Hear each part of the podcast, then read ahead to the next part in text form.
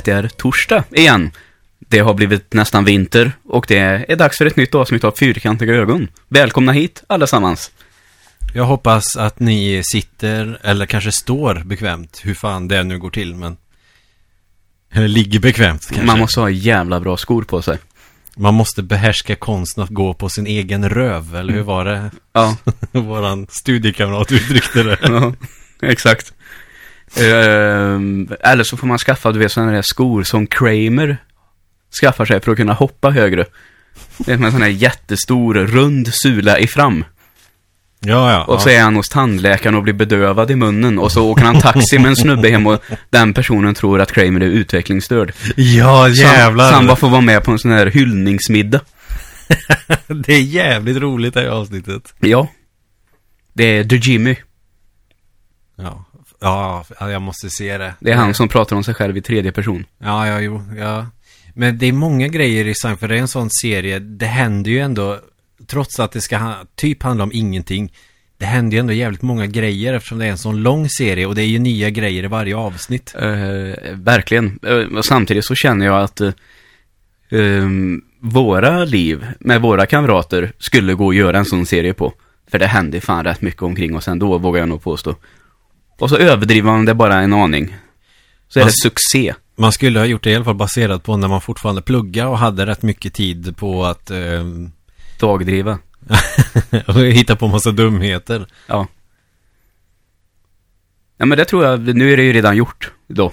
Men ändå. Ja, ja, How I Met Your Mother och de här vänner, alltså Mm. det finns säkert igenkänning där också. Ja. Det känns som att Seinfeld var ändå först på att göra det där riktigt bra. Ja, det tror jag också. Och så Det- det är ju, det är ju på ett väldigt unikt sätt också. Ja, jag måste Även vid jämförelse av How I Met Your Mother eller Vänner. Ja, nej men det är klart, det, det känns ju inte riktigt lika. Mm. Det är mer unikt på något vis. Jag Mm. kan inte riktigt eh, säga hur, men Eh, om eh, How I Met Your Mother hade kommit på 90-talet, tror du att han hade hetat Hur jag träffar mor din då? Nej, det hade nog varit en mer lökig svensk översättning på den. Mm. Gänget på fyra?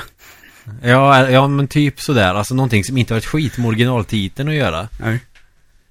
Eh, bröllopsdrömmaren. Jag, jag, jag tänkte att jag skulle försöka bräcka med någonting, men jag kommer inte på någonting. ja, jag är inte så. Ted och hans vänner. Ja, den hade det varit. Ja. Ted och hans vänner hade det hetat. Mm. Och så, ja. Det hade den hetat. Ja. Ted, Ted och hans vänner och Barney. Ja, de tre vännerna och Jerry nästan. Ja, men ja, jag var lite där jag tänkte Ja. på. Eh, ska jag eh, göra så här den här gången då att jag frågar dig först den här Mm. gången. Eh, vad har du sett och vad har du spelat? Så kan du ta vad då, om du har sett någon film först då, för jag vet ju att det du har spelat ska vi väl prata lite om också. Ja, så då sparar jag det. Mm. Det här blir också en liten rättelse från förra veckan, för då sa jag att jag inte hade sett någon film. Eh, Men ganska tätt inpå faktiskt. Alltså bara några dagar innan så hade jag ju faktiskt sett filmen Oculus. Yes. Skräckisen. Och det hade jag ju total glömt. Mm. Alltså det är helt för, Evelina sa efteråt, du jag tänkte på en grej, för hon satt i rummet bredvid och fick lyssna på oss live. Eh, Du sa att du inte hade sett någon film, alltså vi såg ju en film bara för några dagar sedan, kommer du inte ihåg? Nej. Ja, Jo, men vi såg ju en film. Nej, vilken då? Och så sa ni The Oculus och då kände jag mig så jävla dum i huvudet. Ja, det är lätt hänt. Men det... Att du, det är lätt hänt, inte att du känner dig dum i huvudet alltså, utan det är lätt hänt att glömma av sånt som man ser. Ja. Eh, Det, är- det är en sån period just nu för oss båda då det händer ganska mycket. Det är några avsnitt vi har släppt lite senare. Eh, För att eh, antingen om det varit studier eller vad det nu kan vara, att det händer väldigt mycket. Eh, Så man blir nog lätt disträ och tankspridd. Men jag har i alla fall sett Oculus. Den var superbra faktiskt. Mm, jag gillar den jag också. Eh, bara flika in lite. Jag, jag kom, har kommit på det att eh, dels när man diskuterar med andra och även när man sitter och funderar själv ibland att man känner att det kommer inga bra skräckfilmer idag. Det, så är det ju faktiskt inte längre. Nej. Utan det kommer ju jävligt bra skräckfilm nu för tiden. Trots allt. Jag tror också att det är för att man har eh, lugnat sig med att återskapa slasher-genren. Mm. För det blev ju lite som en eh, en revival av den med Scream. Ja. Och det har vi väl pratat lite om. Den är ju egentligen mest en hommage till slasher-genren. Mm. Men en jävligt bra sådan. Ja. Med alla sina uppföljare. Och vi har Jag vet vad du gjorde förra sommaren. Och sen kommer det parodier på de här. Och till slut så eh, är ju det så urvattnat så att det är inte lika kul längre. Nej. Och eh, det får vi även påpeka att man kan ju få en känsla av att eh, det här är någonting som är för vår tid, att göra om skräckfilmer. Mm. Men det får vi faktiskt eh, säga att eh, om du har tittat på eh, YouTube-kanalen Cinemassacre som nu under tio års tid varje dag i oktober har visat någonting skräckrelaterat. Mm. eh, I den här, eh, ja, vad heter det, serien som heter Monster Madness. Ja. Och där framgår det ju tydligt att eh, skräck görs alltid om i nya versioner med Mm. 20, mm, 15, 20 års eh, me- mellanrum sådär. Ja, man har alltid tagit sig ganska eh, Man har varit, haft ganska fria tyglar Man har tagit ganska stora friheter med källmaterial också Eh, exempel som jag tänker på det är att Universal, Universal gjorde de här monsterfilmerna först med Dracula, Frankenstein och Mumien. Mm. Sen eh, 15 till 20 år cirkus senare så är det Hammer Mm. som gör filmerna igen. Ja. Sina versioner. Så det kanske, det blir så att eh, sen växer en ny skräckgeneration upp med Halloween och Nightmare on Elm Street som nu för inte så många år sedan kom i nya versioner. Ja, Så vi får se om 10, 15, 20 år kommer det en ny Halloween igen kanske. ja, Eller så kommer det en ny Babadook eller en ny The Oculus. ja Vem vet? Eh, Det finns ju en hel del sådana där eh, böcker som har gjort, alltså Dracula och ehm, är det Mary Shelley som har skrivit Frankenstein, det är så Mm. hon heter. Alltså de Universal-filmerna, jag har inte sett Dracula faktiskt, Universal, men du och jag tittade ju på Frankenstein. Ja. Eh, och det är ju ganska mycket som ändå följer boken i det stora hela, men annars är det ju egentligen inte som i boken. Nej, eh, nu får du rätta mig om jag säger fel, men boken är ju sånt här public domain. Ja. Alltså, eh, vem som helst är helt fri att använda Mm. eh, materialet för att Ja. göra något annat. Jag vet inte, är det hundra år efter författarens död? Eller, Ja, Typ, något ja, sånt. 75-100 där någonstans, Ja. jag tror det. eh, vilket då gör att just Frankenstein, vad är det jag har hört talas om nu? Det kommer något varje år Mm. som är en ny film. Och ja, eh, rätt tacksamt att använda tror jag, som historia. Och Frankenstein, Frankenstein, Frankensteins monster har ju använts i hur många olika Konstellationer som helst. då. Ja, i all form popkultur, alltså allt från tv-spel till tecknade tv-serier och allting. Mm. Alltså, och då är det ju den eh, Boris Karloffs version, alltså det Frankensteins monster från Universal-filmerna Mm. med fyrkantiga huvudet och skruvarna i halsen. Ja. Hela köret. Som är den mest klassiska egentligen. Ja. Sen var det väl det på 90-talet som man kanske försökte göra mer baserat på böckerna. Kanske för att man hade bättre resurser rent utav och de tekniska möjligheterna. Mm. Då fick vi se både Frankenstein och Dracula fast kanske att man Mm. försöker basera dem mer på böckerna. Ja, det är den Frankenstein som Robert De Niro spelar monstret i, är väl den som Mm. sägs ligga väldigt nära. Ja. Och den har jag sett, men det är väldigt länge sedan. Men där finns det ju med många, kan man säga, många kapitel eller scener från boken är ju med i den filmen. Mm. Som inte är med i särskilt många andra filmer. Nej, precis.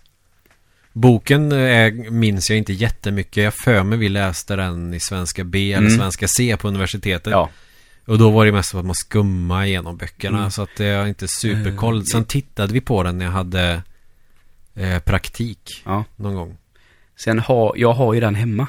mm. Eh, och det kan man säga att en, en sån sak som många, kanske, eller många, som är vanligt att det inte känns till, det är till exempel det här med eh, elektriciteten till exempel, för att Mm. eh, väcka monstret till liv. Är inte med alls i boken så tydligt.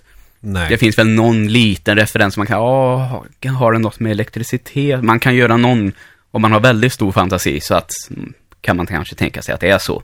Mm. Men eh, sen det här också med att eh, han ska skaffa eh, sig en fru, eller det är det han vill ha, Mm. av eh, doktorn. Ja. Eh, är ju med i den här Robert De Niro-versionen till exempel. Men inte i sådär jättemånga andra. Nej. Då har de gjort filmer från The Bride of Frankenstein istället. Till exempel. Men den kända repliken It's alive Den är ju inte med i boken Den är ju bara med i film Ja. Och den är med också i Mary Shelley-filmen Mm. Eller hur man ska säga det ja. Men du sa ju hommage förut. Det blir ju nästan som en hommage till filmerna då. Mm. Det är en väldigt, väldigt klassisk fras. Filmerna är ju nästan lika klassiska som boken Ja. Samma med Dracula Den Jag vet inte hur mycket man har tagit från de gamla Dracula-filmerna där Jag har ju sett några Hammer-filmer med Dracula med eh, Christopher De har jag nog sett allihop tror jag nu. Mm, jag har inte sett allihop Nej. Men jag har också sett den Bram Stokers Dracula Ja. Den filmen med Keanu Reeves av alla människor. Mm, och det Dracula ser absolut inte klok ut. Nej, Nej. han har ju... Det ser ut som han har tuttar på huvudet. Ja, Lite exakt. Ja. Så är det någon perukgrej, va? Mm. Alltså det är något med hår, är det inte det också? M- med tuttarna, att det är något hår, alltså. Vill jag minnas. Eh, att det ska vara håret, va? Lite, att han har någon sån där, du vet. Som eh, på de gamla sedlarna kungarna har, du vet. Ja, sån där ja, ja. permanentat nästan. Ja, när man hade peruk för att dölja sina syfilisutslag i huvudet. ja, typ så. Mm. Det är väl något sånt han har också, va? Mm. Tror jag. Ja, men så måste det ju vara. Men jävligt konstigt val av frisyr. Det Mm. känns eh, jättemärkligt. Men den är också mer, jag har läst eh, romanen lite grann. Jag har inte läst igenom hela för att den är väldigt tantsnuskig. Alltså den är inte så... För filmen är ju ganska mer äventyr. Mm. Så den kanske påminner om den första med Christopher Lee på Ja, det sättet. mm. Medan boken är mer liksom... Väldigt erotisk. Ja. Det finns ju en väldigt erotisk underton i det där med att eh, suga blod ur mm, oskulder. Ja, precis. Det blir lite, ja. Så att eh, boken fick mig att tappa intresset lite grann. Men å andra sidan så var kanske inte mest eh, jätteupplagd att läsa skönlitteratur efter att ha spenderat en hel termin med att trycka liksom en massa klassiker som ingen orkar bry sig om. Om jag ska vara helt ärlig. Jag fattade inte till exempel vad folk såg i Mot fyren. Nej, det är klart. Eller Det går an. Jag, jag Ja, du, inte. den säger du inget ont om nu. Gör inte det. Det är min hemstad du talar om nu. Nu tar du det väldigt försiktigt. The Oculus, eller Oculus. Ja, förlåt. Jag behöver inte säga mycket om den. Men just- sidospår på 380 takter. Men det är ett kul sidospår för att då eh, För då kommer vi också till The Oculus är ju inte skräckfilm på det sättet att det är något monster Visst, det kanske finns något övernaturligt men det kan ju också vara eh, någonting att det är två personer som är psykotiska eftersom eh, de har ett trauma. Mm. Om jag ska Precis. vara väldigt snabb med min eh, sammanfattning Ja, hur man kan men tolka eh, filmen. det kan man, det köper jag absolut. För så är det. Ja, att, det är en, att de då har fått för sig att det är en spegel med onda krafter som gör folk liksom galna. Ja, Ja, och så kanske det är. Och sen kan det också vara att de är psykotiska och deras minnesbild av det som hände med deras föräldrar. Mm. Det är alltså två syskon. Att det kan ju också vara efterkonstruktioner eller så som de uppfattade det hela. ja. Eh, Så det finns jättemånga sätt som man kan eh, analysera filmen på. Eller så kanske man bara vill se det som att det är ett spöke som bor i en spegel. Mm. Och bara det upplägget när man säger det låter ju sjukt lökigt. Ja men det är en ond spegel som gör folk galna. Eh, jag ska inte säga för mycket för det kan paja upplevelsen. Men fan alltså, se den. Den är sjukt bra. Det är den. Och det är just den typen av skräckfilm som görs en hel del idag. Det, Mm. Som har det där, eh, det kanske bygger lite på att någon har någon, eh, vad säger man, psykisk eh, sjukdom på något Ja, sätt. Ja, precis. Som, Det finns mycket tolkningsutrymme. Det är Mm. väldigt smart. ja. Och det är väl det som jag hör ofta, bara man läser YouTube-kommentarer till exempel på Mm. recensioner, att det är väldigt många som tycker, ja men det här var ju inte otäckt. Men som i den här Oculus, med den här eh, relationen som syskonen har till sin, en av sina föräldrar. Mm. Eh, och hur det här som sker liksom bryter ner den här föräldern in i en psykos Mm. är ju om något otäckt, kan jag Ja. tycka. Så det är absolut, det är klart det är skräck. Lite samma med den här Babadook ja. som kom för ett par år sedan. eh, som också har den där liksom, vad är, vad är det som händer egentligen? Mm. Eh, gör den väldigt obehagligt att se. Skulle vi kunna göra så här att vi kanske bryter där? För nu känner jag att vi har material för ett helt jävla avsnitt. Ja, visst har vi det. Eh, och då kanske vi ska kolla på mer exempel. Men ja, absolut. Vi, här hittar vi mycket grejer man kan prata om i Babadook. Eh, Mm. Så ja, det, vi gör nog ganska smart i att bryta där och så gör vi ett avsnitt där i framtiden så vi kan nörda in oss i det här ordentligt. Mm. Och så kan jag läsa in mig lite mer på en annan litteratur som jag hade när jag studerade psykologi på universitetet. För det finns lite teorier där Ja, eh, som man kan kika på och gotta sig i. absolut. Eh, och det är inga svåra grejer alltså. Det Nej. kan vem som helst läsa upp på nätet. Mm. Men eh, eh, ett kul sätt att analysera dem på. Ja. Eh, har du spelat eller kollat på något Eh, skojigt? det jag, jag tror att eh, om ni har lyssnat tidigare så vet ni vad jag har spelat den senaste veckan. Mm, Så jag, jag bara säger att jag fortsätter med Destiny. mm, Och det närmar sig Raid ordentligt. Skulle blivit av igår. mm. Eh, en och annan anledning gjorde till att det var någon PS4 hos någon som kraschade. Ja. Så det sket sig. Dessvärre. Men eh, jag har tittat på lite grejer. Mm. Och jag antar att eh, du och jag är nästan lika gamla. Du är väl uppväxt också med eh, Peter Haber som Sunes pappa. Ja. Och tycker att Sunes sommar är en väldigt, väldigt bra film. Ja. Eh, jag fick ändå på något sätt tummen ur en sån där söndag. Att se en av de här nya Sune-filmerna eh, var tanken. Med Morgan Alling som... Ja, Mm. och eh, det slutade med att jag såg de tre som finns. Okej. På raken, mer eller mindre. För att de var bra eller för att du hade för lite att göra? För att jag bara ville slötitta på någonting. Ja. En timme, en och en halv timme tänkte jag. Sen blev det fyra. Men det är så det kan gå. Klassiker. Eh, ja. Eh, absolut inte värdelösa. Men på sin höjd helt okej. Okej. Så. Eh, jag känner att på det sättet som jag idag som vuxen kan skratta åt väldigt, väldigt mycket Mm. i Sune sommar. Mm. Så har de här Sune-filmerna väldigt, väldigt, väldigt anpassade till mindre barn, tycker jag. Ja, okej. Det är mycket eh, bajshumor. eh, Och det är ju roligt. och liksom, ja, men på fel sätt. Det är, det, det är roligt i Det dum, dum det, det är roligt i Dum Dummare. När han skiter på en toalett som inte fungerar. När han ska på dejt. Alltså det är ju bra skithumor. Att de sitter och bara skriker ordet bajs rakt ut i en bil. Tycker liksom, det, det blir bara barnsligt. Men det kanske man tycker är, du tyckte att detta var väldigt roligt.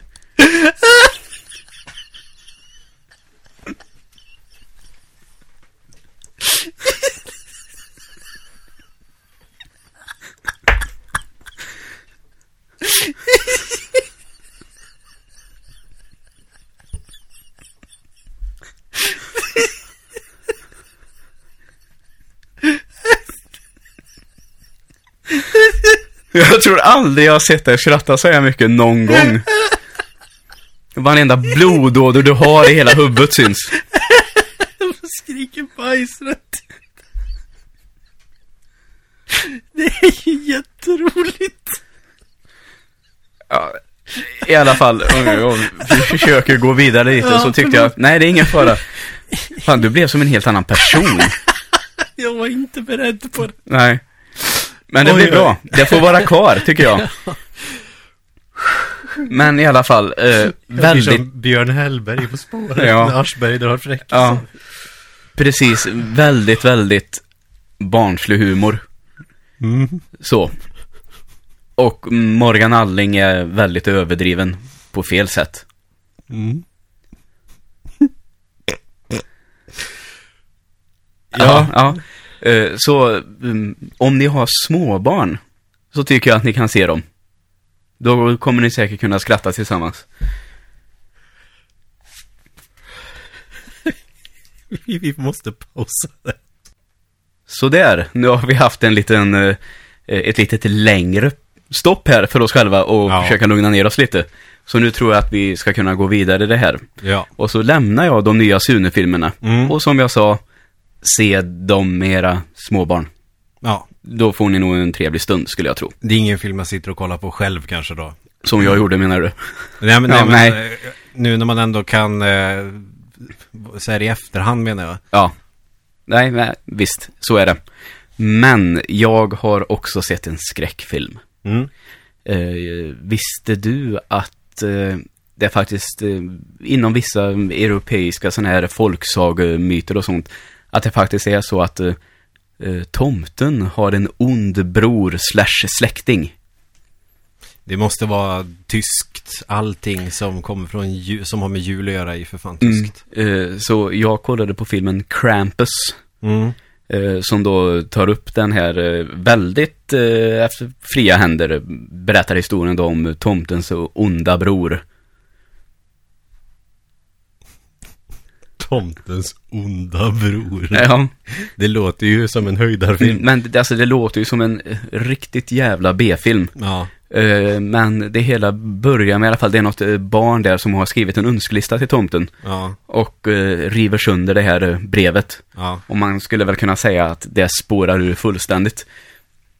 Det går lite snett. Jag måste säga att det blir monster av precis allting. Ja. Allting som har med jul att göra är ett monster. Okej. Så det är olika djur och lite renar och någon sån där uh, pepparkaks, uh, sådana här små pepparkaksgubbar vet du, som Ja. kommer till liv och anfaller folk. Oj, oj, oj. Eh, och till slut då också Krampus då, mot Mm. slutet.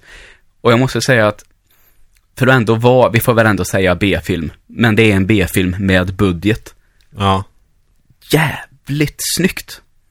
Mm. Eh, de har väldigt mycket, som man säger ibland, eh, praktiska effekter alltså. Ja, okej. Eh, Mer dockor och mindre dator. ja, masker och hela den där biten. Mm. Eh, så de har nog egentligen Vissa saker hade de nog väldigt svårt att göra med praktiska effekter, så då har de väl tagit till eh, 3D Mm. eh, då.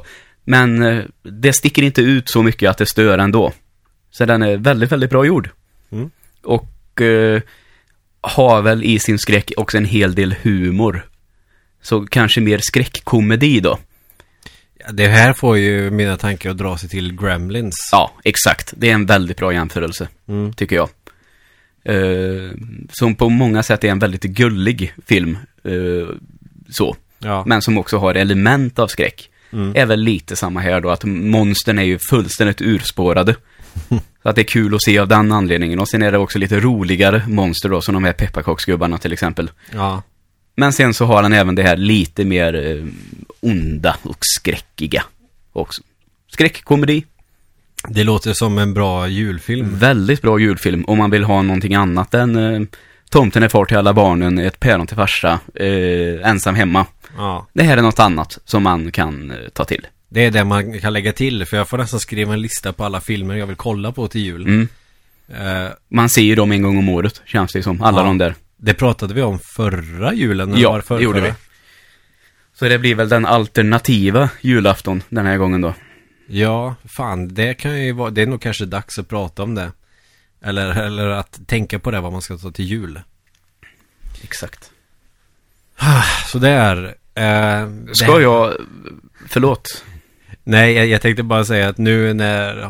Det här har ju tagit ganska lång tid, men om ni bara visste hur lång tid det har tagit i realtid Mm. så... Ska vi gå vidare helt enkelt Ja, till eh, det vi hade tänkt prata om? Vi går vidare genom att jag för ovanlighetens skull bollar tillbaka frågan en gång till då. Mm. Eh, det här vanliga introt nu som vi brukar ha. Så jag frågar, har du spelat något den senaste veckan? Så kommer vi att glida in på dagens ämne, lite Ja. galant. Och det jag har spelat Och nu orkar jag inte klippa in en trumvirvel fast vi har grejer för det Metal Gear Solid Metal Gear Solid. Och det är inte Metal Gear Solid till Playstation just som du har spelat nu i veckan. Det är det faktiskt Det är det faktiskt.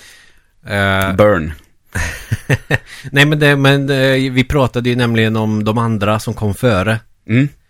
Eh, De har jag inte spelat nu i veckan men det var inte länge sedan jag körde dem Ja, okej. Eh, Men däremot så kände jag att det var väldigt länge sedan som jag körde igenom i alla fall Metal Gear Solid 1 och 2 Ja. till Playstation. Jag har ju kört Twin Snakes en del. Det var ju också länge sedan jag körde. Men att jag ville ta mig igenom Playstation-spelen. Eh, för jag insåg eh, att jag inte har spelat tvåan sedan 2005. Så jag kommer inte ihåg ett skit av tvåan. Nej. Eh, Så att det kan vara gött att eh, köra om. För det blir nästan som att köra det för första gången. Man- Jag fattar väl på ett ungefär eh, vilka karaktärer det är. Men jag kommer knappt ihåg ett skit av storyn. så att det blir lite som att det är helt nytt. Och jag suger lika hårt på det idag som jag gjorde första gången jag spelade. Då så. Det var väl... eh, Ja, det är ändå 11 år sedan. Alltså, Ja. eh, jag tycker ofta att det är så när man spelar spel annars att man tror sig inte komma ihåg. Ja. Men så har man spelat 30 sekunder och så minns man hela spelet. Mm. Så det var ju kul att höra att det faktiskt kan vara tvärtom också. Här var det helt tvärtom. Här trodde jag ju, ja, men det här är ju säkert inga problem. Det här ska nog gå hyfsat snabbt. Mm. Men nej, bara introdelen med båten i början på Metal Gear Solid 2. Det tog två timmar. Men jag har väl försökt att leva mig in i spelet på Ja, ett helt nu, annat nu sätt. var jag med på vad du sa. Ehm, eh, har väl ingen uppfattning egentligen om två timmar är mycket. Får jag väl erkänna. Men det, Nej. Men jag trodde att är det den normala tiden kanske? Så att det är som att du kör det första gången. Ja, liksom. precis. Ja. Nu, har jag, nu tittar jag ju på alla filmsekvenser också. Mm, Eh, Och de är ju så jävla långa en del. ja. Eh, Men jag, jag tänker jag kommer väl till det senare. Och det som jag tänkte vi ska prata om eh, den här gången. Alltså Metal Gear är en jävligt lång serie. Eh, Och eh, för mig är ju, och säkert för många andra också. Eller inte förresten. så ser jag ju Metal Gear Solid som trean. ja. Det tror jag inte så att det är jättevanligt att göra. Kanske inte. Eh, Jag tror väl att, som jag gjorde väldigt länge, att jag trodde att det var en helt ny serie. Mm. Och är första, det är väl på sätt och vis kanske då första delen på ett sätt. Alltså det blir väl något nytt. Ja, det är, det är ju den första som gjorde en sån dundersuccé. Mm. Lite som att kanske Final Fantasy 7 var det första för många. Mm. Så är Metal Gear Solid... Jaha, Solid 1 Ja. är det nya för många. Mm. Och man kan... Man behöver inte spela de som kom innan. Nej. Egentligen så sett. För att mycket information om eh, tidigare delar i serien får man ju via Metal Gear Solid. Ja. Plus att jag vet inte, han Hideo Kojima som har gjort det här Han har ju lagt eh, onekligen sjukt mycket tid på story Ja. eh, Och jag är ju ingen egentligen jätteförespråkare av spel med mycket story Nej. Men eh, det här får vara undantaget som bekräftar regeln Och Ja. är en bra story ett bra spel så är det väl klart som fan att jag gillar det Det är ju Mm. inte så att jag är rent principiellt emot det För det är ju bara korkat Mm. Men då kan man läsa som eh, gamla dokument om storyn från det första och andra spelet. Eh, tror du att du uppskattar just det här för att det är, eh, som vi har sagt tidigare, att det är verkligen eh, två världar rent storymässigt som bara kolliderar i kanske det bizarra från Japan med den här tunga, eh, egentligen actionfilmsgrejen från Ja. USA då, Hollywood. Är det Ja. den mixen som tilltalar dig tror du? Eh, ja, det kan det nog vara. Jag har inte analyserat det riktigt så, men förmodligen ja. Mm. Eh, och när man spelar ett, ett riktigt bra japa- storytungt japanskt spel, då är ofta storyn sådär eh, läskigt genomtänkt och intelligent på något vis. Det Mm. kan det vara i Hollywoodfilmer också. Men just i spel så tänker man väl kanske inte att eh, storyn är, idag är det väl mer så, men om vi går tillbaka till 97-98 när det här spelet var nytt Ja. så var det väl kanske främst rollspel från Japan med tung story. Visst är det så. Mm, men där jag vill börja är kanske det första Metal Gear-spelet jag körde och det var ju ettan till Nintendo 8-bit. Mm. Som bara heter Metal Gear va? Ja, Mm. Inget liksom eh, konstigt. Nej, eh, enda relationen jag har till det personligen är att jag har suttit bredvid dig Mm. och sett det. Ja, Sen är det inte mer än så. nej, och jag så, så som jag har tänkt den här gången att jag ska nog inte prata jättemycket om de två första som jag har spelat. För det är Metal Gear och Snakes Revenge. Ja. Mm. Nu vet jag att det är någon jävel som sitter och lyssnar. Men det är ju inte de riktiga. Eh, nej, jag vet det. Men då får ni tänka så här att när, när vi växte upp. Det var de två som var de två spelen som kom innan Metal Gear Solid. Mm.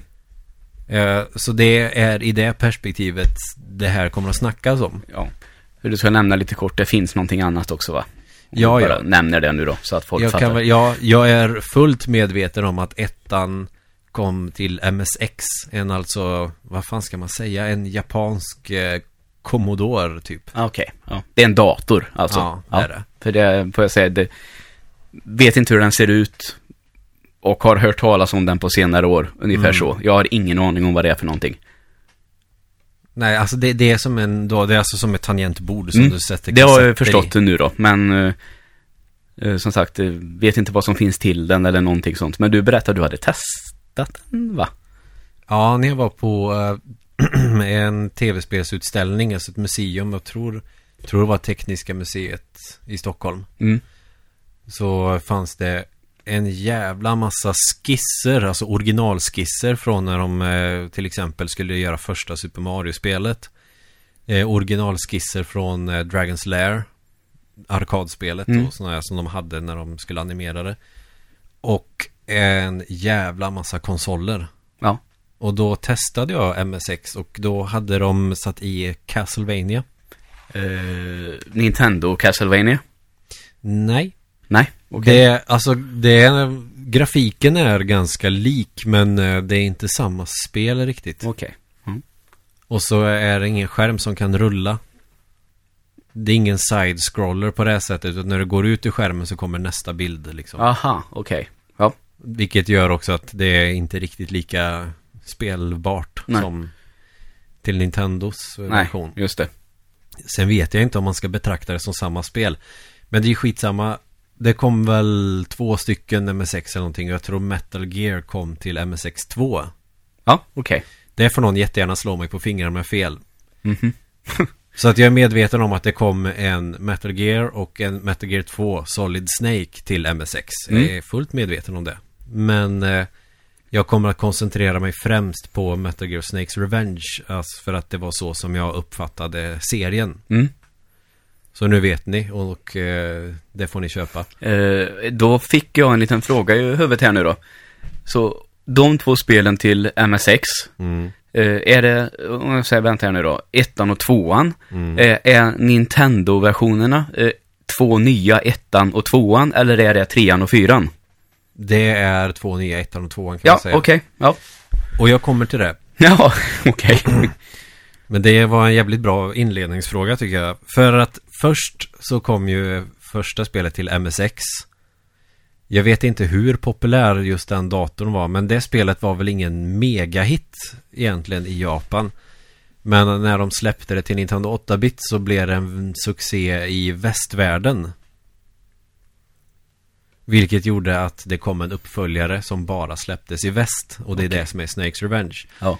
Eh, och eh, Hideo Kojima som har gjort Metal Gear, han har inte varit eh, involverad i Nintendo 8-bit-versionerna. Ja, okej. Ja.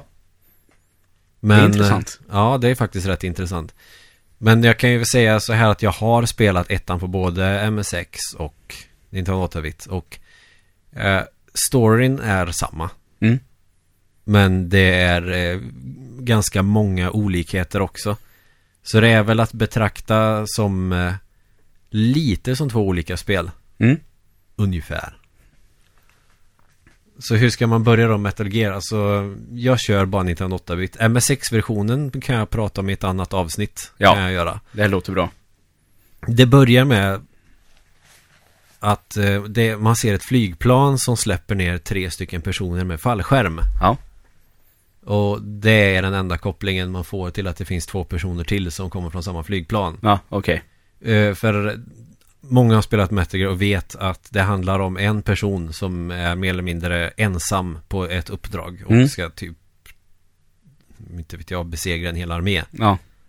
Och mycket kretsar kring den här stridsmaskinen pansarvagnrobot eller vad det nu är som är Metal Gear. Alltså den kan skjuta kärnvapen Mm. Och den har ben som den kan gå med. Ja. Och därför måste man stoppa den. Och den pryder omslaget så man får se lite hur den ser ut. Mm. Eh, Så det är jättekonstigt det här. Man vet inte vilka de här två andra personerna är som släpps från det här flygplanet. Eh, För spelet börjar med i alla fall att du släpps liksom ute i djungeln. Mm. I det här outer heaven. Ja. Och det som är jävligt speciellt tycker jag med det här att om vi tittar tillbaks på Nintendo 8-bit-spelen då så storyn var ju inte tyngre än att du var en hjälte som skulle rädda världen eller någon sorts prinsessa. Det, det är det man har att gå på. Mm.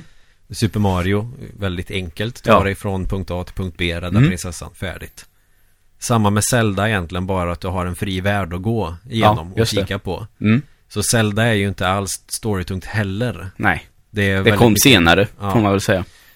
Eh, Metroid, samma där, en öppen värld. Men det är ju ingen story, det är bara stämning som egentligen sätter sin prägel i det. Och det gör ju Metal Gear väldigt unikt. Att det är en ganska tung story och en plot twist som jag tror de flesta känner till. Ja. Så att där eh, tror jag inte att jag behöver säga spoiler alert. För har man spelat Metal Gear Solid utan att spela första spelet så vet man att det är så. Mm. Och det är. Det kommer vi se sen. Men en intressant grej i detta att det är en ganska kul sån eh, att man har en walkie-talkie typ eller någon form av telefon som man går runt med och pratar med sin eh, vad är det, sitt befäl Mm. som kallar sig Big Boss väldigt unikt och fantasifullt namn. Och sen har man lite andra personer som man kan ringa till. Man får ju nummer så man fick alltid skriva ner de här numren på en papperslapp. Och då finns det olika personer du kan ringa till. Det finns en som heter Diane tror jag som är någon form av eh, som kanske, jag tror hon hjälper dig när du har problem med bossar. Eh, senare i spelet får du nummer till en som heter Jennifer som är vapenexpert eller något sånt där. Eh, och så någon gubbe som heter Schneider. Jag kommer inte riktigt ihåg hans roll i det här. Det, jag får inte helt... Men att man får lite olika personer man kan ringa till om man behöver hjälp i spelet. Exakt. Och det är ju ganska intressant grej att göra. Så sitter du fast på en boss så kan du alltid ringa till någon i spelet och fråga vad fan ska jag göra? Och då kanske man kommer till eh, bröderna Arnold, två Terminators faktiskt. och så säger jag, ja du måste ha raketkastaren för att kunna döda de här. Ja. Till exempel. Mm. Det tycker jag gör spelet väldigt intressant. Men det är också lite av ett eh, Nintendo-klubben-spel. Ja, just det. Det är jävligt svårt att hitta grejer förstår jag. Ja, det är det. Det kan bli väldigt svårt. Eh, och det är ganska svårt att komma in i det i början. Och det här är ju också ett smygspel. Det är inte så att du bara kan gå fram till en fiende och döda den. Som Nej. också är vanligt. Eh, Metal Gear känns lite som att det skulle kunna vara en nutida version på den tiden då av Zelda. Ja, ja, Förstår just det. Ja, ja. Då, ja. Du går ut i olika miljöer, du går in i, ja istället för ett slott så är det i fiendens bas. Mm. Just det. Och du ska hitta grejer för att ta dig längre fram i spelet och eh, så ska du rädda gisslan också. Mm. Och ju fler gisslan du hittar desto högre level får man. Så att det är lite rollspelselement nästan. Ja, just det. Och ju högre level du har desto mer ammunition kan du bära, desto mer sådana matransoner kan du bära, desto mer, desto större livmätare har du. Ja, okej. Bra. Så det finns liksom en, en likhet med Zelda tycker jag i Mm. Metal Gear. Eh, en anledning eh, till att eh, det blev en succé kanske. Kanske. Och just för att Folk har- kände igen konceptet lite, tänker jag. Och detta är ju också ett mer vuxet spel. Mm. Eh, kanske inte liksom någonting som man spelar för barn, väldigt texttungt och ganska allvarligt i sin ton tycker jag. Ja, okej. Och, as- och smygaspekten också, att det är fiender som tittar, de kan titta åt fyra olika håll och eh, ser de dig så attackerar de dig och då är det egentligen bäst att fly snarare än att slåss. Ja. Eh, Byrackerna till exempel. Ja, ja precis. Eh, det är jävligt intelligent på något vis. Till exempel att hittar du pistolen, du har ju inga vapen när du släpps från flygplanet. Du Nej. har nävarna och ett paket cigaretter. Ja. och, och cigaretterna vet man ju inte vad man ska använda till. Nej. Så när du väl hittar vapnet sen så har du ju ingen ljuddämpare och då kan fienderna höra dig. Ja. Eh, och det finns också ställen med såna här infraröd laser som du inte kan se. Du måste ha vissa glasögon för att kunna se lasern. Mm. Eh, så det spelet måste ju ha varit sjukt unikt när det kom. Ja, det, det låter ju verkligen som att det var det. Och det var ju rätt starka karaktärer tycker jag ändå redan då. Så att eh, jag gillade det spelet jättemycket Mm. och tyckte att Solid Snake var en cool karaktär Ja. som gjorde allting helt själv. Det, var, så det finns ju mycket där som du berättar nu, man letar upp de här grejerna. Det är ju sånt som finns i spelen idag. Så jag Mm. menar, det måste ju varit ett... Uh, eftersom det fortfarande hänger i menar jag, så var det verkligen ett koncept som måste ha fungerat. Redan ja, där och då, eftersom det har blivit kvar inom spelvärlden, så menar jag. ja, det är lite banbrytande men att eh, man kanske inte upptäckte vad coolt det var förrän det fick sin eh, andra uppföljare till Nej. Playstation. Nej, exakt. För i och med att detta inte blev någon supersuccé så eh, släppte ju inte Hideo Kojima någon uppföljare. Och jag ska inte prata allt för mycket om första spelet, men det är klassiskt liksom.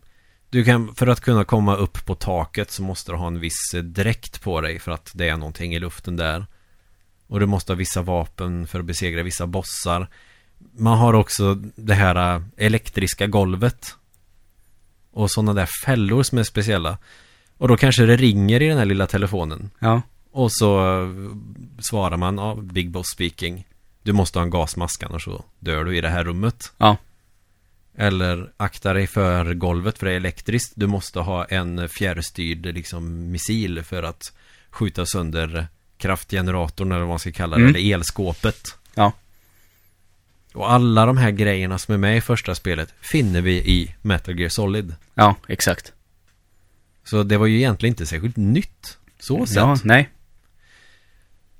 Och det är faktiskt ett bra spel. Sen vet jag ju att det är många som har gnällt på just Nintendo 8-bit-versionen. Men det är ju inte ens eh, riktiga första. Oftast någon som kanske inte ens har spelat det. Men när, innan man ens visste att det fanns en jävla dator som hette MSX, då var det det Metal man hade. Och det är det jag har vuxit upp med. Ja, just det. Och lite speciellt med Nintendo 8-bit-versionen är också att Metal Gear är inte ens med. Nej, bara en sån sak. Utan det som är grejen i det är att den finns, än så länge så är Metal Gear ett eh, koncept. Mm.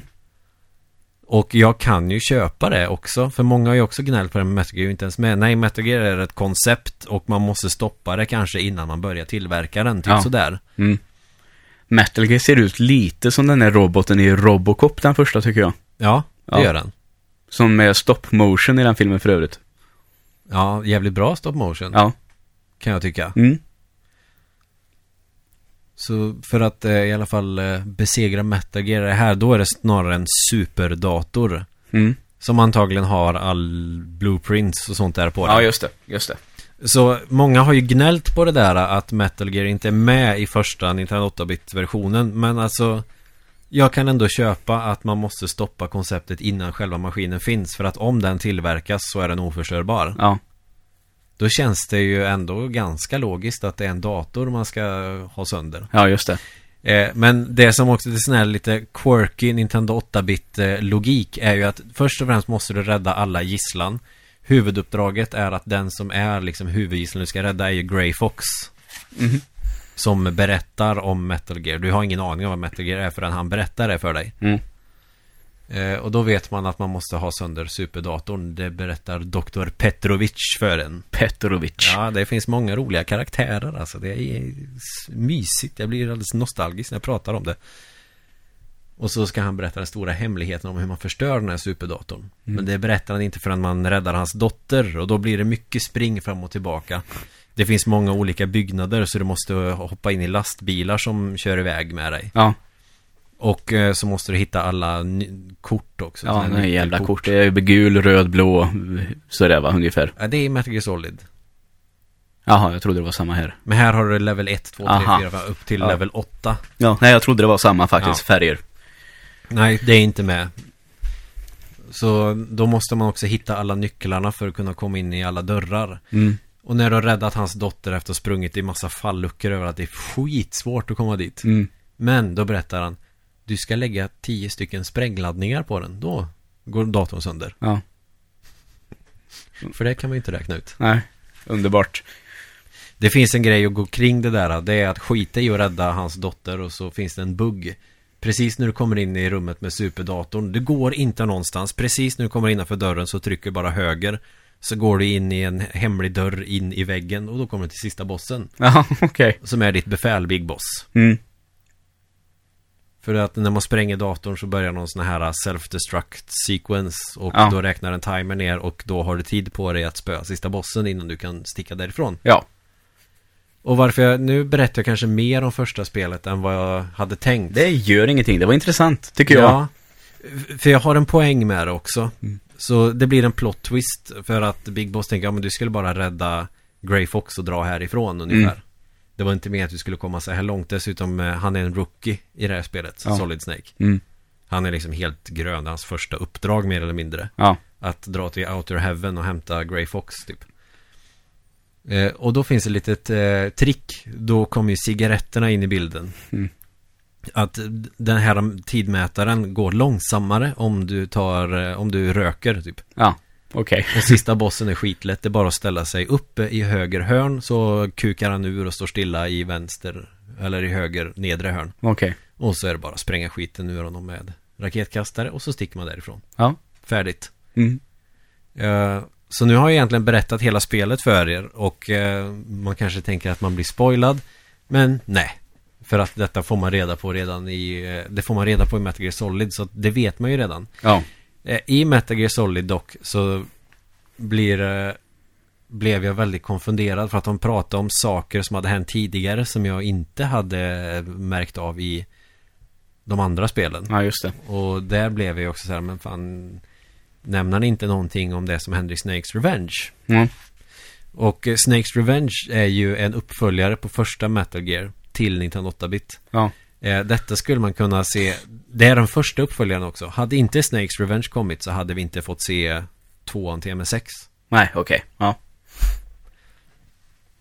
Och den historien om det här det kan man googla fram. Ja. Det är inte så, ja. Han gjorde en egen uppföljare när de, han upptäckte att fan de har gjort en uppföljare på mitt spel. Oj, ja. Så jag tänker göra min egen uppföljare med Blackjack och horor typ. Ja, just det. För Snakes Revenge tar ju eh, tid eh, efter första fast eh, då är det någon annan grupp som har fått tag på ritningar till en Metal Gear. Mm. Och Snakes Revenge känns som att det har fått lite skit bara för att det inte är en riktig uppföljare. Men jag körde igenom det för inte så länge sedan och jag tycker att det är jävligt bra spel. Ja.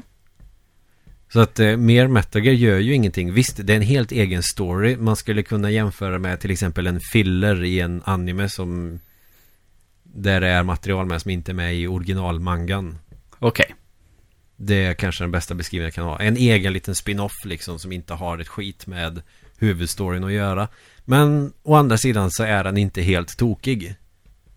Nej. Och det är också här du har första gången har en eh, sån här telefon där du ser bild på den du pratar med. Ja, just det. Och då är det någon karaktär som är med från ettan. Big Boss är ju uppenbarligen inte med eftersom man spränger skiten ur honom Mm. i första spelet. Men jag tror hon Jennifer är med i tvåan också. Ja, okej. Och det är samma här, tre personer som, som eh, kliver av en helikopter. Men här är de två andra personerna ändå med. Och man ser dem och man säger ja men vi delar på oss. Och så, så man är tre infiltratörer. Ja. Och Solid Snake är typ löjtnant. Okej. Han har blivit liksom uppgraderad. Eh, följer väl liknande story. Och inte kanske lika bra story som första om vi ska gå in på storyaspekten men för att vara en helt egen uppföljare som inte är skriven av Hideo Kojima så tycker jag att den funkar. Ja, okej. Jag, jag, jag tycker att ja, Visst, de här spelen kanske inte har åldrats sådär jättebra Men jag tycker definitivt att de är värda att köra igenom Mm. Om man tycker om Metal Gear Ja. För de funkar bra trots sin ålder, tycker jag Mm. Eh, Så det kanske man ska ta med en nypa salt då Men tvåan Jag tänker, du är uppväxt med Nintendo 8-bit, som jag Ja. som aldrig har... Jag upplever ju ofta sådana här spel att de känns lite gamla. Så. Ja. Och eh, att de är väldigt svåra och att det finns mycket nytt som jag vill spela så att jag inte eh, har riktigt ork eller är tillräckligt eh, skicklig från början att jag orkar lära mig. Nej. Så är det väl. Ja. Annars så eh, är det inte jättesuperstor skillnad på Playstation-versioner och de gamla. Tycker jag som eh, ändå växte upp med dem. Tvåan har ju, det är nästan samma vapenarsenal man har. Mm. Men det som är nytt i det här är att du ska förhöra fiender. Ja. Så du kommer in i ett rum där det står en person och säger nej men jag vet ingenting. Och då får man någonting som heter truth gas, alltså sanningsgas. Mm. Så du har alltså en gastank som du bär med dig och trycker liksom masken mot ansiktet på dem så att de ska tala sanning. Tänk att ha en sån. Det hade ju varit helt fantastiskt. Mm. Vem Och- hade du pratat med först? Med dig tror jag. Oh, farligt. Nej, jag vet inte vem jag skulle prata med först. Någon på stan bara, som man sliter ner. Ja. Vad tycker du om din mamma egentligen? Vad tycker du om din fru? Ja, exakt. Så, Hon kan vara en ragata många gånger, Ja. säger han.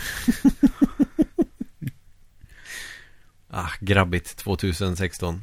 Mm. Det var från rena rama Rolf. Jag För övrigt. tänkte nästan, det lät som en sån rena, rena rama Rolf-replik. Ja. Jag hittade lite rena, rena rama Rolf i YouTube-historiken och Mm. tittade på ett avsnitt. Det var faktiskt rätt dåligt. ja. Mors lilla Roffe heter det avsnittet. Det kanske jag får kolla på. Gör det. Nej. Det som är mer som är nytt i eh, eh, Snakes Revenge är att eh, när du ska ta dig igenom, det finns ju tunnlar till exempel från en bas till en annan bas så finns det typ som tunnlar. Och då är det som plattform. Hoppa. Ja, Sidskrollande. ja, Ja. precis. Ganska kul liksom grej för att få någonting nytt. Eh, sen kan man ju, ska man ju ha i åtanke också att eh, synfältet hos fienderna är extremt begränsade. Okej. I båda de, de kan bara se rakt fram liksom. Så Mm. att står du snett framför dem, de ser liksom ingenting. Nej.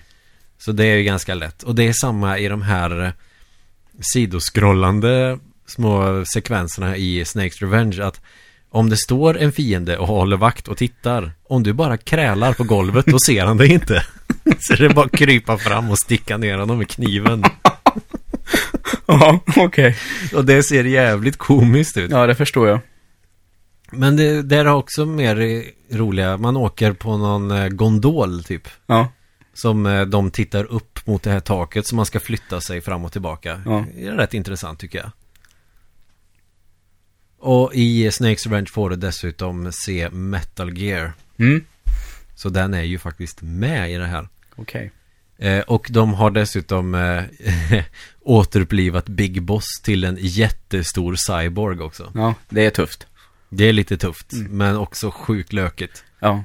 Så han spränger man med miner, sen ska man skjuta Remote Controlled Missiles på eh, Metal Gear. Det är en ganska kul sekvens faktiskt. Mm. Som återkommer i senare sen va? Mer eller mindre. Ja, men faktiskt.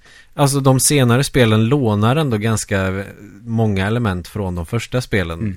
Eh, Och det har vi sett i andra genrer också. Vi nämnde Zelda förut. Ja. Så gör ju Ocarina of Time det, till exempel. Mm. Ja, Tycker jag. Ja, där ska man ju också eh, akta sig för vakter i början och sådana grejer. Mm. Så jag känner ju att Metal Gear har ju ändå tillfört någonting nytt i tv-spelsvärlden. Eh, och jag tycker att första spelet är rätt underskattat, även Nintendo 8-bit-versionen. För det har Mm. fått rätt mycket skit för att det inte är, inom citationstecken, original. Ja. Men om man kan bortse från det så är det faktiskt jävligt bra spel. Ja. Och nu kommer vi väl in, eh, jag hade inte tänkt att köra om, prata om hela serien idag, men Nej. i alla fall de tre första spelen. Så att vi kommer upp till Metal Gear Solid. Ja. Snakes Revenge är alltså en liten blindtarm så att säga, har ingenting med serien att göra, men det är ett bra Metal Gear, jag Mm. lovar. Eh, nu sitter jag bara här och funderar på en sak. Och vill väl ändå säga som vi brukar då att jag, vill fråga en sak om storyn. För jag känner att jag har tappat bort mig själv lite här nu i huvudet. Mm. Eh, så hoppa fram en liten bit om ni inte vill höra. Eh, så säger jag det nu. Mm. Det här med Big Boss Mm. eh, som de är klonade ifrån. Mm. Hur löser man det? För han är ju med sen igen. Men är skurken i de två första typ. Mm. Hur löser man den biten? För han är ju Eh, inte ond egentligen då. Eller är han det? Nej, men du är med lite på vad jag menar nu. Det här är ju en mega spoiler, nu hoppas jag folk har spolat. Nej, för i första spelet så då är ju han ditt befäl, han som ger dig uppdraget. Ja. Ungefär som han, eh, The Colonel i eh, Metal Gear Solid. Ja. Den rollen har ju Big Boss i Mm. första spelet. Och så visar det sig att det är han som är skurken som har försökt att få en på eh, villovägar men Ja. har misslyckats. Mm. Eftersom man kommer till sista basen där så säger han att vi avbryter uppdraget, stick hem. Fast man fortsätter och då märker man att han är skurken. Han Ja. är ledaren för terroristerna och han är också ditt befäl. Ja. Och så dödar man honom och så sticker man. Ja. Eh, Snakes Revenge så har de gjort honom till en cyborg och du spränger cyborgen i luften. Ja. Eh, Sen är det också så här, nu kommer vi väl in då på Metal Gear Solid. Mm. Och om du har spolat så har du kommit rätt. Och eh, vi nämnde tidigare en megaspoiler så att eh, spola inte tillbaks i så fall om du inte vill ha en spoiler. Nej. Då är det ju någon terroristorganisation som har tagit över den här eh, Det är väl gamla Foxhound-medlemmar För det glömde Ja, jag också exakt. Det glömde jag ju faktiskt också nämna att Solid Snake i första spelet Det är ju Foxhound som har fått uppdraget att eh, förstöra Metal Gear för terroristerna Ja. Så Foxhound är ju den här styrkan som eh, är typ counter-terrorist typ Mm. Jag vet inte om de är legoknäktare eller vad fan de är Ja. Nej, men Och i Metal Gear det är en grupp i alla fall. Ja, och i Metal Gear Solid så är Solid Snake har ju Han har ju mer eller mindre pensionerat sig Mm. Det är ju också sån här klassiker Någon avdankad snut eller militär som Ja men du är den enda som kan göra det här Ja. Det är ju så i Metal Gear Solid också Avdankad tycker jag är ett jävla bra Ja ord. det är det faktiskt Så han är en avdankad liksom smygarmilitär som Jag hörde plötsligt- nämligen det användas i ett sjukt vidrigt sammanhang en gång, då det var en som kallade en, ja, jag vet inte, fru eller kompis eller något sånt där för avdankat våp. Visst låter det väldigt brutalt? Det var, ja, ganska elakt Det är väl någonting man absolut inte vill vara i alla fall. Nej, ett verkligen inte. avdankat våp. inte bara ett våp. Nej, oh. Sitter vi och garvar det var Ja, roligt. nej men det var vidrigt, men eh, ändå, Ja men att någon kan ta de orden i sin mun liksom i ett eh, riktigt sammanhang. och Solid Snake är inte av, avdankat våp men han eh, Han har väl flyttat till Alaska och eh, kör liksom hundsläde med sina Siberian Huskies. Det är det han gör och sen bara Du förresten, det är några terrorister som har eh, kidnappat någon Två stycken höjdare inom något eh, krigsföretag här som du ska in och till höjdare. DARPA-chefen och Kenneth Baker. Ja. Och då ska man in och rädda dem. Och så resten är väl historia. Men upplägget på Metal Gear Solid är väldigt likt tidigare spel i serien. Mm. Eh, du kommer med, du, dy, du dyker ju till den här basen, du simmar ju liksom i vattnet. Där har vi faktiskt början på MSX-versionen av ettan. Ja. Det är exakt samma scen faktiskt. Okej. Kanske en hommage då till ett tidigare spel. Men Mm. i 1908-bit så hoppar du fallskärm ner i djungeln med två andra som inte vet vilka de är. Nej. Eller någonting. De fastnar i träet. Förmodligen. Ja. Men det är ingen som pratar om dem eller frågar vart de är någonstans. det kanske var två fångar som de gjorde sig av med. Två lik som Ja. de kastar ut. Åh jävlar vad jag höll på att säga någonting fel där. vi, vi, vi bara glömmer det. Okej.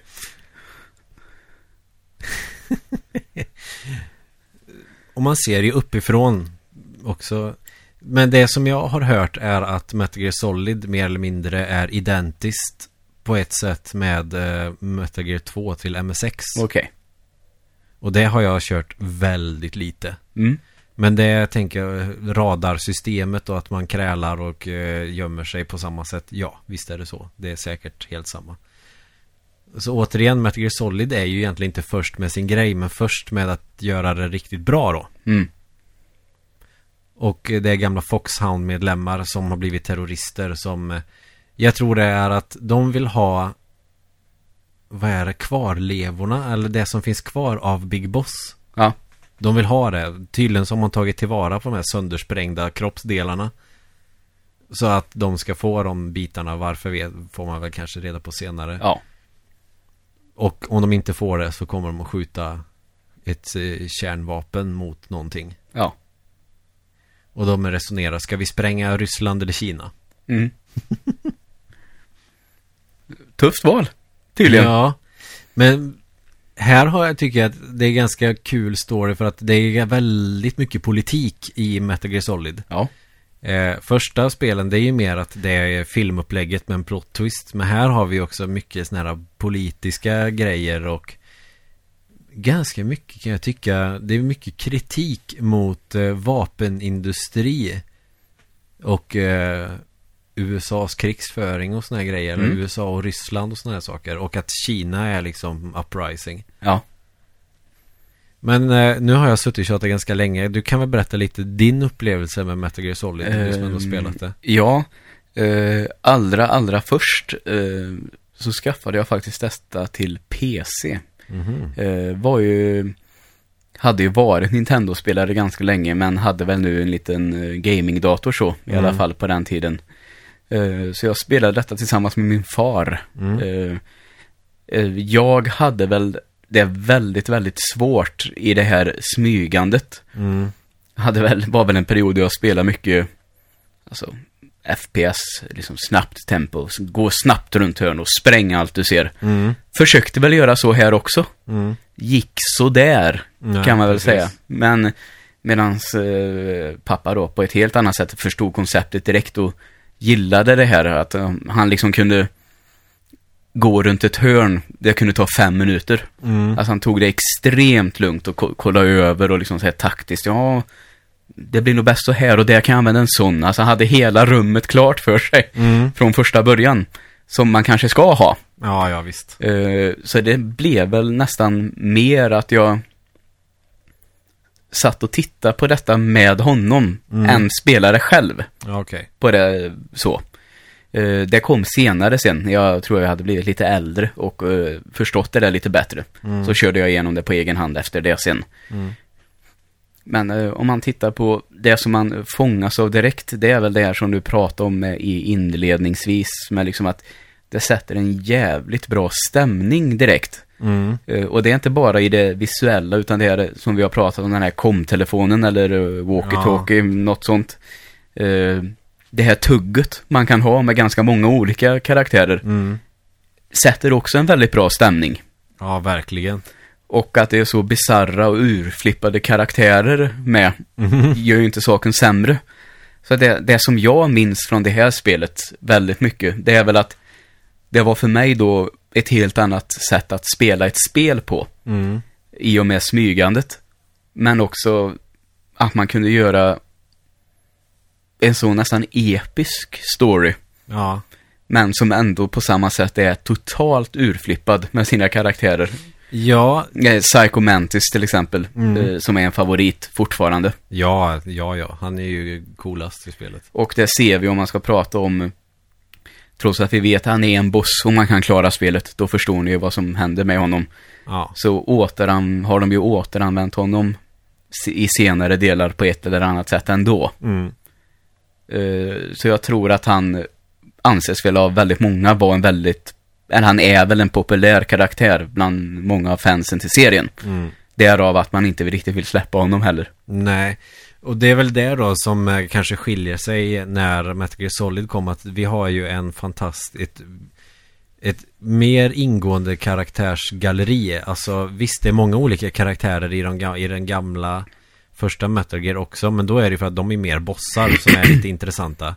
En som har specialiserat sig på eldkastare, någon som skjuter med kulspruta, två stycken som är robotar och så vidare. Mm. Men det är inte så mycket mer än så. Här har de ju en historia, de berättar ju för fan sin livshistoria när man dödar dem. Alla bossarna gör det. Ja, Nej, fast jag är ju inte ond egentligen, men eh, jag gör det här ändå liksom. Här, nu hjälper jag dig istället. ja. Alla gör det. Mm. Men det är ju också kul för eh, man får lite perspektiv på vem som är god eller ond. Ja, ja. Verkligen. Så det, och den aspekten eh, tyckte jag nu när jag spelade om Metal Gear Solid tyckte jag var mer intressant än vad jag kanske tyckte första gången jag spelade. Mm. För då tycker man ju att Snake mest är badass liksom. Ja. Han kan smyga, han kan fighta så han kan hantera alla vapen bättre än de som är experter på sina respektive vapen. Ja. Sniper Wolf som är typ bäst i världen på att använda sniper om Mm. man spöar skiten ur henne Ja. med en sniper. Scarlett Johansson. Ja, det kan jag köpa. Ja. Men, men nu när jag kollar på det med mer vuxna ögon, när man också får den här äh, ifrågasättandet om vem som har rätt eller fel. Alltså det, det finns egentligen ingen tydlig god eller ond sida i det. Ja, och den delen fattade jag nog inte vid 12 års ålder. Nej. Då jag också för övrigt inte smög så mycket när jag spelade, utan jag sprang mest fram och döda allting som gick att döda. Ja, Men nu tycker jag att det är roligare att inte försöka döda så många. precis. Det har jag ju fått den... Jag har ju också blivit mer sån, så att säga. Och det gör spelet mer spännande. Och eh, man kan ju också känna liksom hjärtligt. Alltså jag levde in i mig på ett ganska bra sätt den här gången.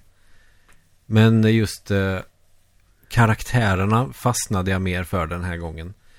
Eh, och jag hade inte lika ont av de fruktansvärt ostiga eh, dialogerna som man har med vissa karaktärer i den här jävla telefonen. Nej. Vissa grejer eh, är skämskuddevarning alltså. Det är verkligen riktigt pubertalt. Ja, jo. Eh, men jag, jag tror jag hoppade över jävligt mycket. För jag bara tänkte nej, nej, nej, nej, det här är så jävla lökigt. Det här är så jävla vidrigt. Men när man är 12 så köper man ju det, eller 13. Eller Ja. Men den politiska aspekten tyckte jag var mycket roligare. För terroristerna till exempel. Eh, det här är väl en spoiler som kanske bör vara med. Men just att eh, Snake är ju inte alls med på noterna vad det är han egentligen ska dit och göra. Nej. Eller vilka han gör uppdraget för. Nej, exakt. För han blir ju mer eller mindre lurad till att göra detta. Mm. Eh, Och allting på något sätt leder till liksom Vita huset och presidenten. Det är Mm. det som är grejen. Och det är också liksom någonting som jag aldrig greppade. Jag tänkte mest, ja men den goda killen kommer till den onda, dödar honom och så är det slut. Ja, och riktigt så lätt var det ju inte. Nej. Så det här är ju ett spel man kan spela igenom rätt många gånger och förstå bättre. Ja, visst är det så. Att det finns egentligen bara en skurk och han är inte, och de är inte med ens på, liksom på fältet. Men skurken är lite på båda sidor. Ja, Som Big Boss i första spelet. ja, just det. Så det är en grej som jag har totalt missat innan. Antagligen för att jag har så dåligt tålamod när det kommer till story att jag hoppar över mycket. Men nu tog jag mig tid till att försöka förstå storyn. Mm. För den tycker jag, har, när jag spelade fyran för några år sedan, tyckte jag var jävligt rörig och jag hängde inte med alls. Nej, Eh, därför såg jag att nu har jag ett gott skäl till att köra om det och försöka ta del av vad fan det är som händer egentligen. ja. Fyran är bra också sen, så småningom. Jo men det var det allt. Mm. Det är lite för långa filmsekvenser bara. Ja, det är timmar totalt. Alltså, Ja. det är som en långfilm. Och det finns ju såklart en charm i det också. Mm. Eh, och Metal Gear Solid när det kom till Playstation, det kändes ju som att kolla på en film också Ja. väldigt mycket. Mm. Det är så pass starka karaktärer och bra dialoger. För det mesta, Ja. tycker jag. Mm. Det som jag tänker på att man har ju pratat på att man skulle vilja göra en film om Metal Gear Solid. Ja. Ja, som är baserat på Shadow Moses-grejen. Eh, jag tänkte på det under hela tiden som jag spelade Metal Gear Solid. Ja. Eh, det skulle ju inte alls funka. Nej, det får bli en Netflix-serie istället. Ja, och då måste man ha en jävla massa nytt material om det ska funka. Ja, ja, så får det bli naturligtvis. Eh, för i spelet, du följer ju bara en karaktär Ja. mycket. Mm. Då måste man nog få mer fokus på terroristerna. Den Ja, ja. terroristgruppen Liquid Snake och de andra. Mm. Och För hela spel, alltså majoriteten av spelet, det är ju att han springer runt och gömmer sig och bryter nacken av folk. och kryper runt i luftrummer och fan vet vad. Det blir ju ingen intressant film. Jag tycker det låter som en helt fantastisk film. För att citera en snubbe en gång när jag åkte spårvagn i, Gö- i Göteborg, relativt berusad så är det efter en utekväll. Och jag med det sällskapet som jag var i då började prata om filmen Komodo.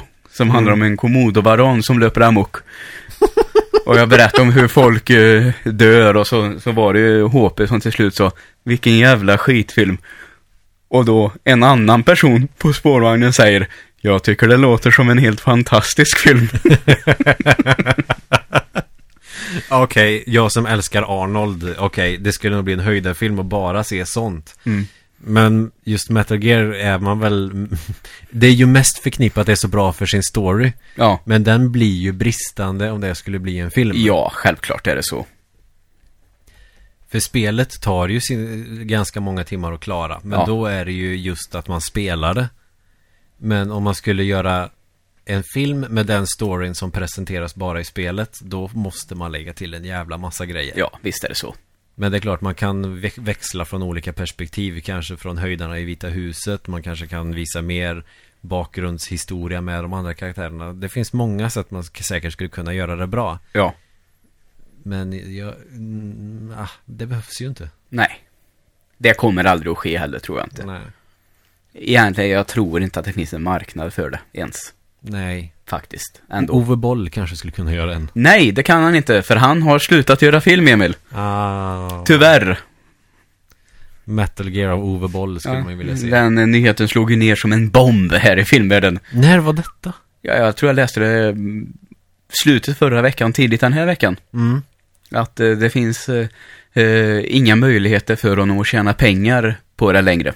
Därför Nej, just har han det. beslutat sig för Han att lägga- spelade in på olika ställen där man inte behövde skatta så jävla mycket Ja, det, jag fattar aldrig riktigt det där. Men det var ungefär som att han köpte någonting billigt för att kunna spela in film.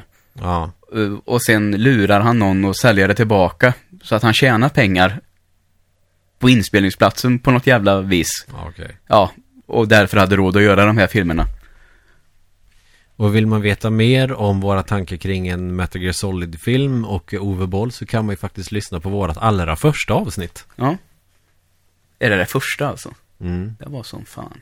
Vi skulle säkert kunna gå igenom allt det där mycket bättre idag när vi har några mer timmar eh, vid mikrofonen ja. så att säga. Mm. Så ni får väl eh, i så fall, om ni ska lyssna på första avsnittet och inte har hört det så får ni nog höra två ganska nervösa herrar sitta och klämma fram eh, allt möjligt. Floss. Koliox.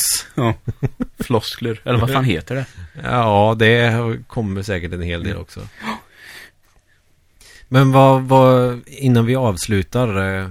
Har, jag känner att jag har pratat väldigt mycket. Jag vill jättegärna höra någonting mer från din upplevelse med Metal Gear Solid. Eh, den verkliga upplevelsen då, det jag verkligen kunde ta till med det här spelet, det var eh, när jag och Turbo bestämde oss för att eh, spela igenom de här Metal Gear Solid-spelen. Mm. Och eh, även lite så som du har sagt, jag var ju inte jättegammal första gången, varken när jag såg eh, farsan eller när jag gjorde det själv. Mm. Eh, och även om Turbo eh, spelade mest Mm. på det första, eftersom vi tänkte att eh, tanken var att nu kommer fyran, den ska vi spela. Mm. Vi tar de andra nu. Mm. Och då var det, ja jag har ju kört det hur många gånger som helst. Mm. Ja, kör du då så tar vi oss igenom de här snabbt nu. Eh, men ändå så tog vi oss den tiden att titta på allt och sätta oss in i allt. Mm. Eh, så det var väl där som jag upplevde Metal Gear på riktigt. Mm. Och det var, jag var ju över 20 i alla fall. Mm. Eh, Så där kände jag, det här, då har jag varit inne på lite det med det här politiska storyn och de här, vem är god, vem är ond, var ju Mm. väl verkligen någonting som man förstod först då. Ja. Och det var väl först då man verkligen förstod att det här är ett riktigt, riktigt bra spel. Ja. Eh, För tankarna som gick där, det var väl att Turbo sa, men Metal Gear Solid 4 kommer ju nu. Ja, ska vi köra, köra igenom dem? Och jag var väl lite så här då, ja, de är ju bra, men fan en gång till. Ja. Den känslan hade jag väl då. Men sen så lät jag mig övertalas och då gick det väl upp för mig att det här är riktigt vassa spel. Jävligt genomtänkt tycker jag. Ja, Även om storyn känns väldigt spontan i Mm. sin utveckling. Men att eh, han räddar det på något vis. Mm. Och får det att kännas logiskt. Sen kan man då prata om att, eh, tycker väl att det är väl lite så som du var inne på, det, det blir ju lite springigt ibland. Mm. Eh, så, om man ska klaga på någonting. Å andra sidan så blir det en del av storyn. Jag tänker när man ska spela, springa tillbaka och hämta, vad fan är det man ska hämta? Man ska hämta den jävla snipern. Är det så det är? Liksom det, Ja, det är bara en transportsträcka ja, och det är det, men samtidigt så, det är något grej man ska springa upp och ner för en jävla trappa också, är det inte det? Eh, Ja, som jag också... Man ska upp i tornet Mm. där ja, och slåss mot helikoptern. Som jag också tycker det är lite, det tar lite tid. Mm. Alltså det blir en transportsträcka som du säger, men bortsett från det, fantastiska, fantastiskt spel. Mm. I ettan på MS6 så är det uppe på ett tak och eh, slåss mot en helikopter också. Ja, du ser. Återanvänder lite som hyllnings. Jag skulle nästan säga att hela Metal Gear Solid är som en återanvändning av de första två Ja. spelen. Jo, det låter ju verkligen så. En bra sådan, alltså jag menar inte det negativ bemärkelse. Mars. Ja, de gör det jävligt bra. Mm. Eh, Men nu känner väl nästan jag att vi får fortsätta lite nästa vecka helt enkelt. ja, Vi vi kommer... fick vi lite spel över, minst sagt. Ja, ja, men jag tänkte att detta får bli en del. Vi kanske... Jag vet inte hur vi delar upp det, för det har blivit väldigt mycket spel det senaste. Men Mm. det är också det kanske som... Eh, Eh, Vi har ju planer på, vi kan nästan kalla det specialavsnitt, förhoppningsvis två veckor framåt. ja. Så vi kan nog kosta på oss att prata spel nästa vecka också, tycker jag. ja, precis. Nu har vi faktiskt en, eh, en, ganska seriös plan med film, så därför väntar vi med film, så Mm. att det blir riktigt bra. Så nästa eh, vecka pratar vi om Solid eh, Metallväxel 2.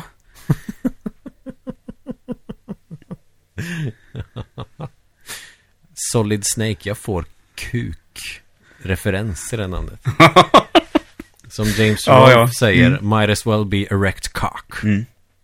Ja, då är det Frihetens Söner. Ja. Och sen är det Ormätaren. Tvillingormarna. Ja, eh, Ormätaren och, eh, och så då är det eh, Patrioternas vapen. Sen. Det blir skitlökigt när man översätter det på svenska. Ja. Ja, men nästa vecka, jag, jag fortsätter gärna lite mer på första Metal Mm. Solid. Det finns mycket vi kan diskutera där. Jag tänkte att det här avsnittet får mer bli en övergång till Metal Gear Solid. Att vi får en liten bakgrundsgrej till det. I vårat perspektiv. Ja. Och så fortsätter vi då nästa vecka med eh, lite av ettan, tvåan och kanske trean. Yes. Får vi se hur mycket vi hinner. Ni kan gå in på våran eh, Instagram, fyrkantiga någon. Och på vår Facebook-sida, fyrkant, Fyrknäcknicknäff. Fyrkantiga öa. Det heter faktiskt så. Ja, fyrkantiga ögon på Facebook. Och så får ni väl eh, tänka lite. Jag, jag skulle jättegärna vilja ha lite mer era tankar på Metal Gear Solid kanske. Tror du att det beror på att vi får det så sällan det är att det inte är en jävel som lyssnar? Nej men vi, jag, jag får faktiskt meddelanden då och då Ja. av eh, några som... Och så får vi försöka jag, jag, lösa... får det, jag, får, jag får även muntliga kommentarer. Mm. Och så får vi försöka lösa en sak, att jag ser ju aldrig något meddelande som någon har skrivit till oss. Nej, det är mest jag som svarar på dem. Ja, men jag ser dem inte alltså. Nähä. Jag vet inte varför, jag får aldrig upp dem Nej, ens en gång. Så vi får se över det där så att jag också kan eh, svara. vi löser det. Mm. Eh, men skicka lite synpunkter hur ni tänker när har spelat Metal Gear Solid till exempel. Mm. Och kanske några detaljer som vi missar så kan vi ta dem i nästa avsnitt. Så gör vi. Tack för att ni har lyssnat Tack ikväll. så mycket och så hörs vi nästa vecka.